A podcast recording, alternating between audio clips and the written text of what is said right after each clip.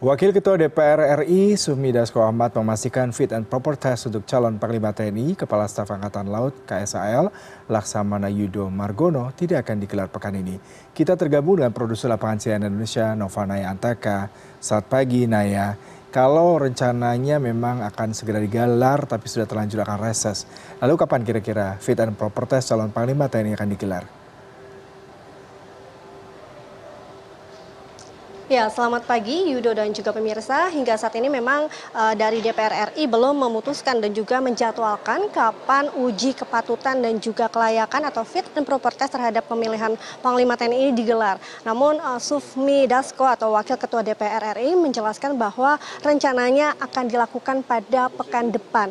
Namun jika kita merujuk pada undang-undang memang uh, diberikan waktu sekitar 20 hari atau sebelum tanggal 15 Desember seharusnya uji kepatutan dan juga kelayakan ini bisa segera digelar. Lalu seperti apa?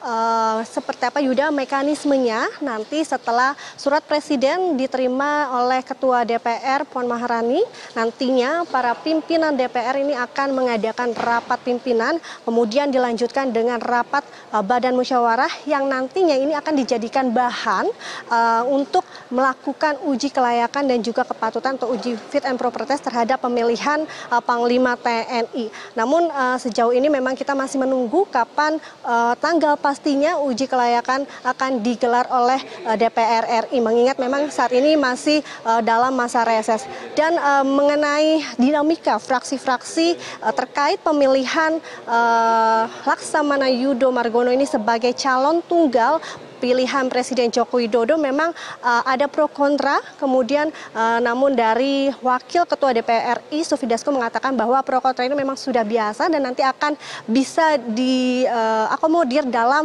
fit and proper test. Artinya para fraksi-fraksi ini bisa memberikan pertanyaan-pertanyaan kritis kepada uh, calon tunggal yaitu Laksamana Yudo Margono pada saat fit and proper test berlangsung. Selain itu juga uh, dari pihak uh, Komisi 1 menilai bahwa uh, sosok Yudo Margono atau Laksamana Yudo Margono ini memang memiliki potensi peluang untuk menjadi panglima. Selain itu juga bahkan nama-nama lain seperti Kasat, Dudung, Abdurrahman dan juga dari pihak Angkatan Udara juga memiliki peluang yang sama. Namun dari pihak DPR sekali lagi menghormati keputusan hak prerogatif dari Presiden Joko Widodo. Yuda.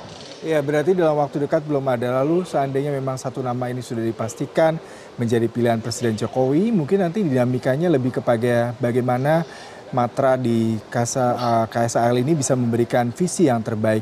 Yang sudah mendapatkan sedikit nggak informasi kira-kira visi misi dari Yudo Margono ini apakah sudah beredar ataukah memang masih dalam konteks penggodokan mengingat nanti kan dinamika terkait dengan fit and proper testnya sendiri juga belum pasti kapan dilaksanakan.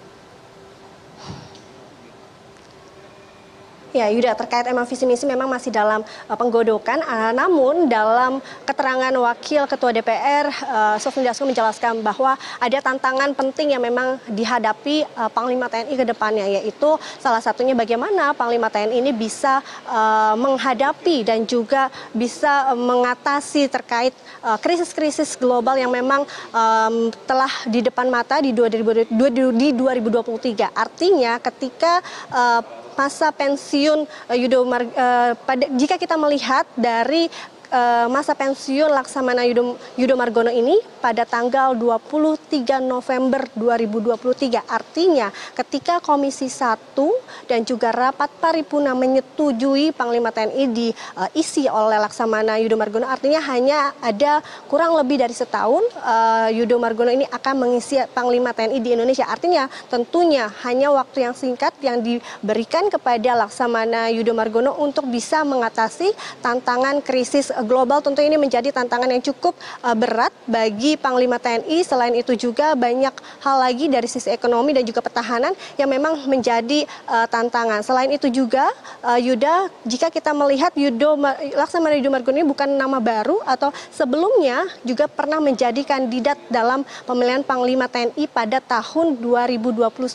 menggantikan Hadi Cahyanto. Namun pada saat itu dipilih Jenderal Andika Perkasa sebagai Panglima TNI. Sehingga memang saat ini jika kita melihat dalam masa era Presiden Joko Widodo untuk Angkatan Laut pada saat ini merupakan masa masa terbaru di mana sebelumnya Angkatan Darat memang mendominasi dalam pengisian posisi Panglima TNI dan kita masih menantikan seperti apa visi dan juga misinya dari Panglima TNI terbaru jika terpilih jika dari hasil fit and proper test sudah lolos dan bagaimana nantinya dinamika fraksi-fraksi dalam memberikan pertanyaan-pertanyaan kritis tentunya yang akan menjadi penilaian penting bagi pemilihan Panglima TNI selanjutnya yaitu Laksamana Yudo Margono.